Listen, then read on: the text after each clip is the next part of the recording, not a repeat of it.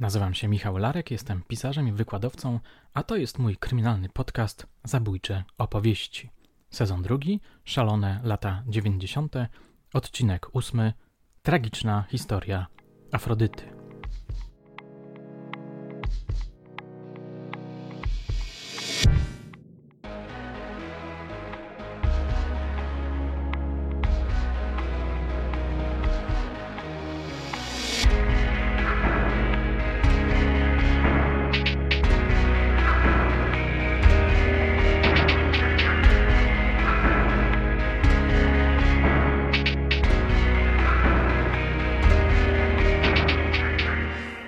Całkiem niedawno jeden ze słuchaczy przesłał mi fotkę przedstawiającą symboliczny grób Afrodyty Tsoki, córki słynnej piosenkarki Eleni.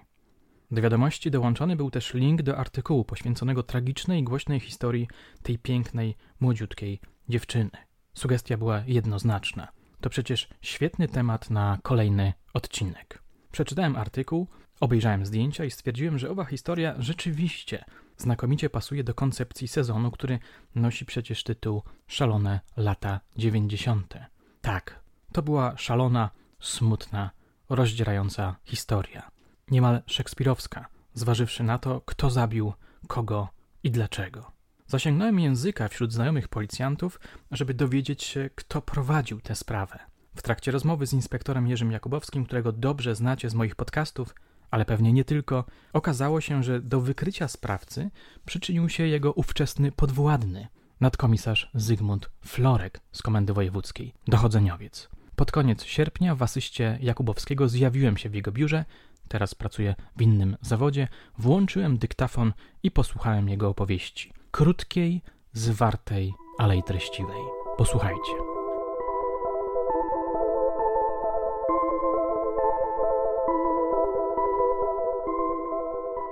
Tym razem przenosimy się do 1994 roku. Poznań, 20 stycznia. 17-letnia Afrodyta nie wraca do domu.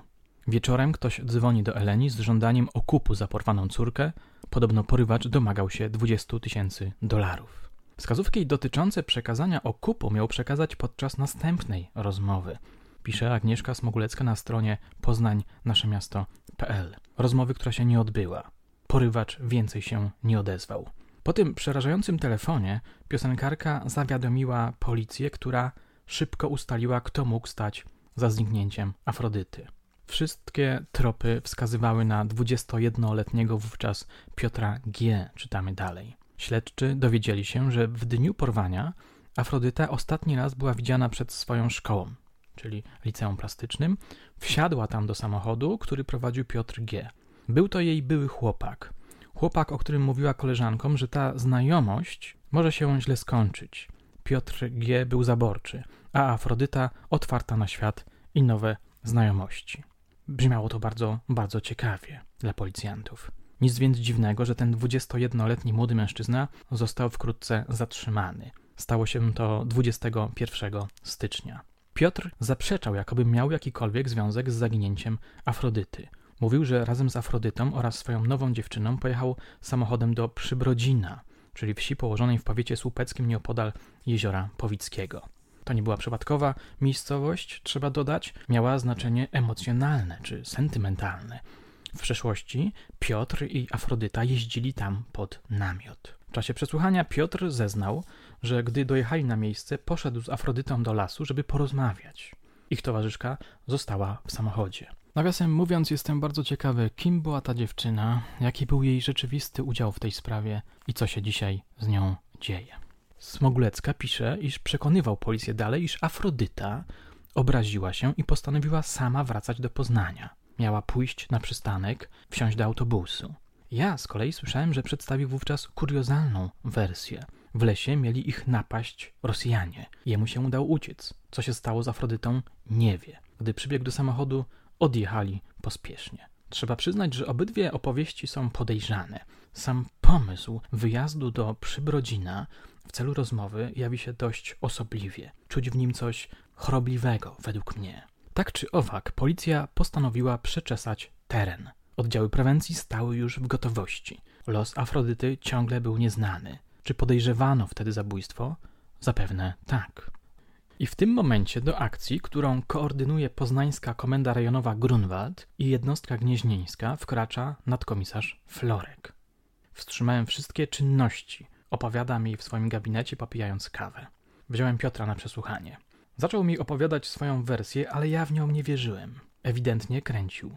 Nie będę wchodził w szczegóły, ale ci, którzy mnie znają, wiedzą, że potrafię wyciągać z ludzi prawdę. Podkreślam, że nie odwołując się przy tym do przemocy fizycznej czy psychicznej. Co ciekawe, nie był za bardzo zdenerwowany, co mi dało do myślenia. W końcu mówię do niego: Kłamiesz. Po co kłamiesz? Zabiłeś ją. Tutaj w tym lesie ją zabiłeś. Wytworzyłem wrażenie, że wiem więcej niż mu się wydaje. No i on to kupił. W końcu mi się przyznał. Muszę powiedzieć, że dość szybko powietrze z niego zeszło i zaczął opowiadać. Spokojnie, beznamiętnie. Kazałem to zaprotokołować, żeby mieć dowód. To było bardzo ważne. Przypominam, że nadkomisarz był dochodzeniowcem. Musiał zatem zdobyć materiał procesowy. Jeśli przestępca przyznaje się do winy, trzeba to natychmiast spisać. Trzeba to rzucić na papier. Wracam do relacji nadkomisarza. Opowiedział mi wszystko. Opowiedział mi, że poszedł do lasu z Afrodytą. Chciała z nim zerwać. Wyciągnął broń, Waltera, i strzelił do niej dwa razy, w głowę i w pierś. Gdy streścił przebieg zdarzeń, stwierdziłem, że pojedziemy do lasu, żeby chłopak pokazał miejsce ukrycia zwłok. Sam z siebie pokazał, bez żadnych sugestii z naszej strony. To było, powtórzę, bardzo ważne z punktu widzenia procesowego. Pamiętam, że to był młodnik, więc szliśmy na czworakach do tego miejsca. Wreszcie dotarliśmy do celu. Ciało zastrzelonej dziewczyny było przykryte liśćmi. Technicy zrobili oględziny, były dwa strzały, tak jak powiedział w czasie przesłuchania. A gdzie jest broń? Pytam. Broń wyrzuciłem w Poznaniu na ratajach. Gdzie? Dopytuję. Przy rurach ciepłowniczych w okolicy osiedla Orła Białego. To już było po północy, opowiada mi nadkomisarz. Chłopak miał problem z odnalezieniem. Nic dziwnego, było ciemno. Samochody oświetlały teren. W końcu udało się. Broń została znaleziona, no i przez nas zabezpieczona. Chciałbym dodać, że jeszcze tego dnia zrobiliśmy wizję lokalną, którą nagraliśmy oczywiście. Chłopak do kamery opowiadał swobodnie, co i jak zrobił. Zdobyliśmy zatem kolejny dowód. Po robocie został odwieziony do aresztu. Następnego dnia odwołał wszystko. Nadkomisarz kiwa głową i patrzy na mnie. W areszcie pouczyli go. Ciągnie dalej swoją opowieść. Ale myśmy przecież mieli dowody i dlatego trudno byłoby mu się wykpić. Dlaczego? Jak to dlaczego? Kto mógł wiedzieć, gdzie są zwłoki? Sprawca. Kto mógł wiedzieć, gdzie została wyrzucona broń? Sprawca. Nie mówię już o liniach papilarnych, które zostały pościągane z broni. Nadkomisarz popija kawę. Muszę przyznać, że była całkiem niezła. Dowodowo więc, mówi, to było nie do obalenia. Inspektor Jakubowski, który przysłuchiwał się opowieści swojego kolegi, podkreślał niebagatelne znaczenie faktu, że ciało Afrodyty zostało wskazane przez Piotra. Posłuchaj, Michał. Gdyby odnalazł ją któryś z oddziałów prewencji, to z punktu widzenia procesowego sytuacja wyglądałaby zupełnie inaczej, o wiele gorzej. Więc decyzja Zygmunta o wstrzymaniu poszukiwań była bardzo dobra. Prosta sprawa, mówi nadkomisarz. Gdybyśmy tak tego nie zrobili, on następnego dnia powiedziałby, że został zmuszony przemocą do przyznania się do zabójstwa i podpisania protokołów. A tak przecież kombinują przestępcy. To dla nich normalne. I ostatecznie wróciłby pewnie do tej wersji z Rosjanami, albo wymyśliłby inną. No i wtedy mielibyśmy problem. Po tych czynnościach, które doprowadziły do wykrycia sprawcy i udowodnienia mu winy, nadkomisarz oddał sprawę i zajął się swoimi innymi obowiązkami.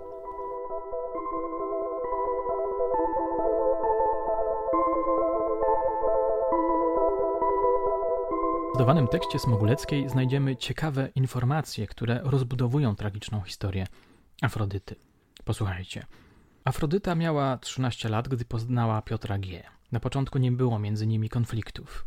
Rozpoczęły się, gdy dziewczyna dostała się do liceum plastycznego, a Piotr G. przerwał edukację w zawodówce. Mimo braku wykształcenia miał opinię bardzo inteligentnego i oczytanego. Nadkomisarz Florek opowiadał mi, że był typem artysty. Jak wspominała później Eleni, Mówił, że tylko on będzie chłopakiem Afrodyty. Nie mogła mieć koleżanek ani kolegów. Zerwali jesienią 1993 roku. Znajomi mówili, że wtedy stała się radośniejsza, że po prostu odżyła, ale Piotr G. nie mógł o niej zapomnieć. Dziennikarka wyjaśnia też wątek telefonu w sprawie okupu. Wykonał go Piotr, żeby podrzucić policji błędny trop. Dodaje również, iż policja ustaliła, że Piotr G. jeszcze przed zniknięciem Afrodyty nielegalnie kupił broń, Waltera z tłumikiem i 25 sztuk amunicji. Moją uwagę zwrócił jeszcze jeden fragment, bardzo melodramatyczny. Posłuchajcie. Jak wyjaśniał Piotr G., po przyznaniu się do zabójstwa, po rozmowie z Afrodytą, dał jej broń i zażądał, żeby strzeliła. Ona jednak nie chciała. Oddała mu pistolet. Wtedy Piotr G. wymierzył w nią. Strzelił jej w skroń, później w serce. Następnie założył kaptur na głowę Afrodyty, zwłoki przykrył igliwiem i wrócił do auta. Jestem niezwykle ciekawy, czy rzeczywiście ta scena tak właśnie wyglądała. Mam wrażenie, że ktoś wyciął ją z jakiejś opery mydlanej. Piotr musiał być chyba szaleńczo zakochany, wściekły, zrozpaczony, pogubiony, rozsypany, prawdziwy romantyk, albo po prostu zaburzona osobowość, co może na jedno wychodzi. W czasie dyskusji z Florkiem i Jakubowskim pojawiła się teza, że to zabójstwo mogło być jednak popełnione w afekcie, mimo iż sprawca całkiem porządnie się do niego przygotował. Być może on wcale nie jechał z zamiarem zabicia jej. Może miał nadzieję, że jeszcze uda się ocalić ten związek, jakoś ją przekonać. Być może w trakcie emocjonalnej rozmowy, która nie poszła po jego myśli, coś nim zawładnęło i skłoniło do morderczego ruchu. Psychika ludzka bywa wszakże, jak doskonale wiemy, niezwykle skomplikowana. Co ciekawe, tekst Smoguleckiej ilustrowany jest fragmentem artykułu zamieszczonego w Ekspresie Poznańskim, w którym mowa jest o tym, że Piotr i jego dziewczyna w czasie drogi do Przybrodzina mieli na sobie kominiarki. Nie wiem, co o tym myśleć. Czy to prawda, czy nie? Brzmi osobliwie. Nadkomisarz mówił mi, że kolejne wyjaśnienia zabójcy były czasami mało wiarygodne. 31 maja 1995 roku Piotr G został skazany przez Wojewódzki Sąd w Poznaniu na karę 25 lat więzienia. Zabójca płakał w trakcie ogłaszania wyroku. Tytuł wspomnianego artykułu brzmiał Szloch skazańca. Czy płakał z powodu swojej zbrodni, a może płakał nad swoim losem? Tego nie wiemy. 13 grudnia tamtego roku wyrok uprawomocnił się. Puenta tej historii jest zdumiewająca. Cały Poznań płakał razem z jej matką, pisała Smogulecka, a później cały Poznań w zdumieniu słuchał o tym, jak przebaczyła zabójcy. Tak, Eleni przebaczyła publicznie zabójcy. Gdy wpisałem w wyszukiwarkę słowa Afrodyta Tsoka Media, jeden z wyników brzmiał przebaczenie. W numerze Głosu Wielkopolskiego z 2013 roku ukazał się wywiad Marka Zaradniaka z Eleni. Znany poznański dziennikarz nawiązywał w rozmowie do tegoż przebaczenia. Mam w sobie dużo miłości, która wypłynęła z mojego domu rodzinnego opowiadała piosenkarka mieszkająca w Poznaniu od 1977 roku. Moi rodzice zawsze byli dla mnie przykładem. W ich życiu dominowała miłość do człowieka. Moja mama należała do ludzi, którzy zawsze umieli i tłumaczyli drugą osobę. Była chodzącą wyrozumiałością. Kiedy doszło do tragedii, nie miałam innego przykładu. Mam osobowość analityczną, więc analizowałam, dlaczego doszło do takiego dramatu. Szukałam przyczyn. Uważam, że najpierw trzeba rozpocząć od siebie, od tego, gdzie my, dorośli, popełniliśmy błąd, co przeoczyliśmy, co przegapiliśmy. Analiza danej sytuacji jest ważna i myślę, że ta miłość do człowieka potrafiła mi wybaczyć mordercy. Jestem osobą wierzącą, jestem osobą wierzącą, więc i z tego względu był to dla mnie ważny gest. Uważam, że nie wystarczy przyznawać się i wyznawać wiarę, należy ją pokazać czynami. Owszem, można i są sytuacje, kiedy wręcz trzeba mówić, wierzę. Chodzę do kościoła, modlę się, ale i tak najważniejsze są czyny. Muszę przyznać, że Eleni zaimponowała mi swoją postawą. Wydaje mi się, że w tym geście jest coś heroicznego, nadludzkiego. Przyznaję, że ja sam w jej sytuacji zapewne nigdy bym się na coś takiego nie zdobył. Z całą pewnością przegrałbym z własnym gniewem. Jestem bardzo ciekawy, jak wy skomentujecie jej przebaczenie. Co wy o tym myślicie? Napiszcie w komentarzach.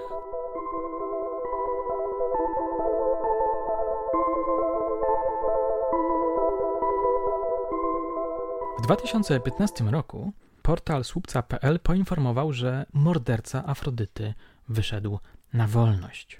Zabójca córki Eleni za kratami miał siedzieć do 2019 roku czytany w zamieszczonym tam artykule. Tymczasem od kilku miesięcy pod zmienionym nazwiskiem mieszka w Berlinie. Informacje te podchwyciły ogólnopolskie media. Morderca córki Eleni wyszedł na wolność i mieszka w Berlinie, pisał fakt. Po otrzymaniu maksymalnego wyroku 25 lat więzienia powinien jeszcze siedzieć do 2019 roku, donosił tabloid. Rzeczniczka zakładu karnego w Rawiczu nie ukrywa w rozmowie z faktem, że Piotr G. nie jest już ich więźniem. Rzecznik służby więziennej także potwierdził jego przedterminowe zwolnienie. Zakończył się proces resocjalizacji, słyszymy. Dzień później fakt zastanawiał się, czy morderca Afrodyty może ponownie zabić. Komentarze internautów były raczej jednoznaczne. Ktoś taki powinien siedzieć do końca życia w więzieniu, albo nawet zostać stracony. Ale wśród tego rodzaju gniewnych opinii znalazłem wpis, który był napisany w radykalnie odmiennym duchu. Rzecz pochodzi z 2018 roku, podpisana jest imieniem Jerzy.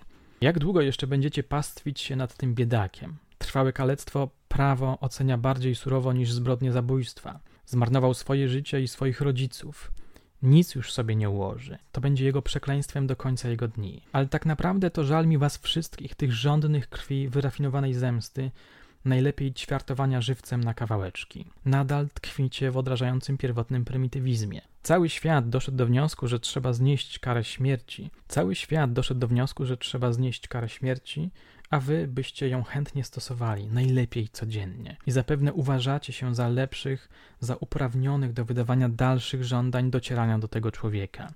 Ale stań jeden z drugim przed lustrem i powiedz sobie samemu: Jestem doskonały, jestem idealny, nie ma we mnie nic podłego ani znędznego szczura, jestem wspaniały. Gdybyś tak mógł o sobie mówić, to byś nie podnosił ręki na tego biedaka. On wtedy stracił wszystko, jego rodzice również. Koniec cytatu. Mocne słowa, prawda?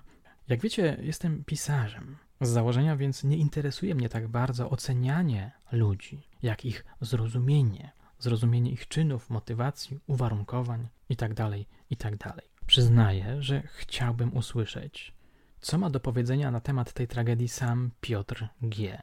Dlaczego to zrobił? Jak się odnosi do swoich czynów dzisiaj? Jestem ciekawy, czy ma wyrzut sumienia, czy rozpamiętuje przeszłość, czy ciągle myśli o Afrodycie, czy też jednak udało mu się zamknąć ten rozdział i próbuje sobie jakoś ułożyć życie na nowo.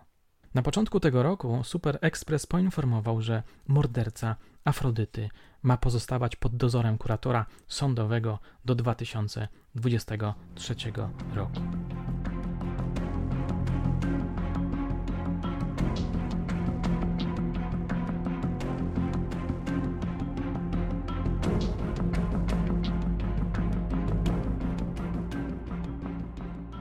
Na dzisiaj to wszystko. Dziękuję za życzliwą uwagę. Do usłyszenia.